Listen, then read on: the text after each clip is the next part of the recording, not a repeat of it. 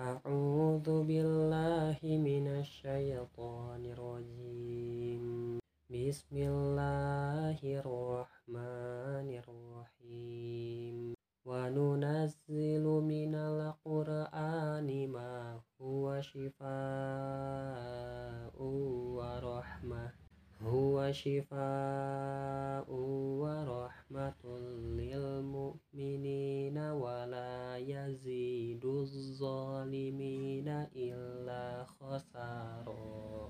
Sadaqallahul azim. Aku berlindung kepada Allah dari godaan setan yang terkutuk dengan menyebut nama Allah yang Maha Pengasih lagi Maha Penyayang. Kami turunkan dari Al-Qur'an suatu yang menjadi penawar dan rahmat bagi orang yang beriman. Sedangkan bagi orang yang zalim, Al-Qur'an itu hanya akan menambah kerugian. Benar Allah dengan segala firman-Nya.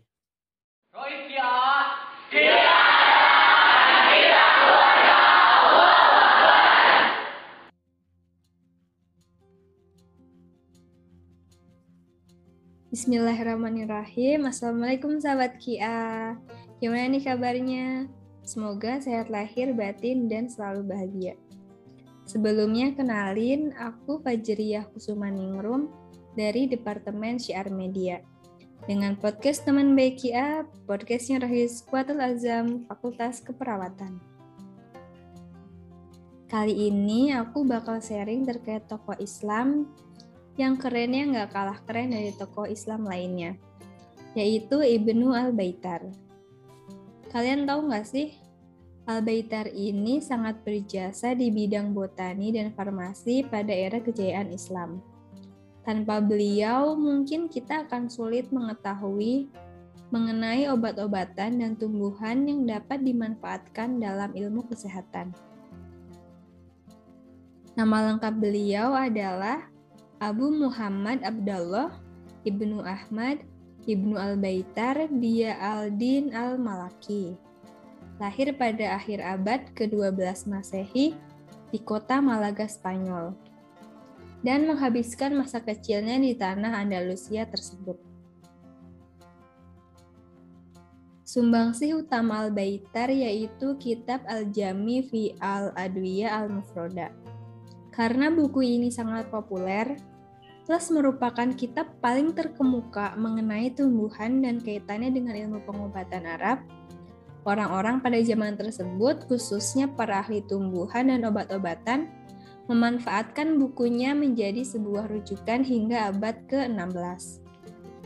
Dikutip oleh lebih dari 20 ilmuwan Yunani sebelum diterjemahkan ke bahasa Latin, serta dipublikasikan pada tahun 1753. Kitab tersebut juga dirujuk oleh 150 penulis yang kebanyakan berasal dari Arab. Penasaran nggak sih apa yang membuat kitab ciptaan Al-Baitar itu sangat populer? Penasaran lah ya kali enggak? Oke, jadi ensiklopedia tumbuhan yang ada dalam kitab ini mencakup 1400 item yang terbanyak adalah tumbuhan obat dan sayur mayur, termasuk 200 tumbuhan yang sebelumnya tidak diketahui jenisnya. Karya fenomenal kedua Al-Baitar adalah kitab Al-Mulugni fi Al-Adwiya Al-Mufroda, yaitu ensiklopedia obat-obatan. Ditambah pula dengan 20 bab tentang beragam khasiat tanaman bagi tubuh manusia. Pembahasan selanjutnya pada kitab tersebut yaitu masalah pembedahan, yang mana karyanya banyak dikutip oleh ahli bedah muslim ternama, yaitu Abdul Qasim Zahrawi. Selain bahasa Arab, Al-Baitar pun kerap memberikan nama Latin dan Yunani kepada tumbuhan serta memberikan transfer pengetahuan. Sesuai dengan pernyataan, usaha tak akan mengkhianati hasil. Hasil kerja keras Al-Baitar dengan kontribusinya yang merupakan hasil observasi, penelitian, serta pengklasifikasiannya selama bertahun-tahun, karya ciptaan Al-Baitar tersebut sangat mempengaruhi perkembangan ilmu botani dan kedokteran, baik di Eropa maupun di Asia. Lewat risalahnya yang berjudul Al-Jami fi Al-Tib, yang artinya kumpulan makanan dan obat-obatan sederhana beliau turut memberi kontribusi dalam dunia farmasi. Di dalam kitabnya itu, beliau mengupas beragam tumbuhan berkhasiat obat, atau saat ini lebih kita kenal dengan nama herbal, yang berhasil dikumpulkannya di sepanjang pantai Mediterania. Lebih dari seribu tanaman obat dipaparkannya dalam kitab tersebut. Seribu lebih tanaman obat yang ditemukannya pada abad ke-13 Masehi itu berbeda dengan tanaman yang telah ditemukan ratusan ilmuwan sebelumnya.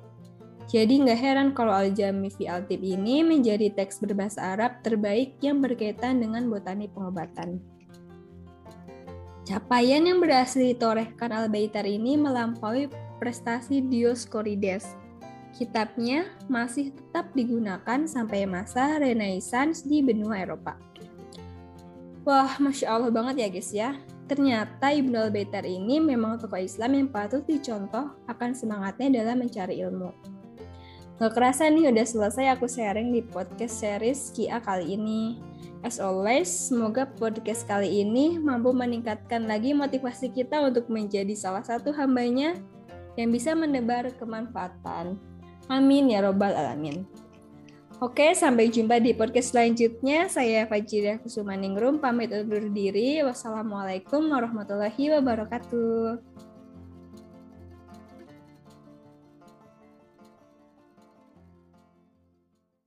Rohis Kia. Kia, kita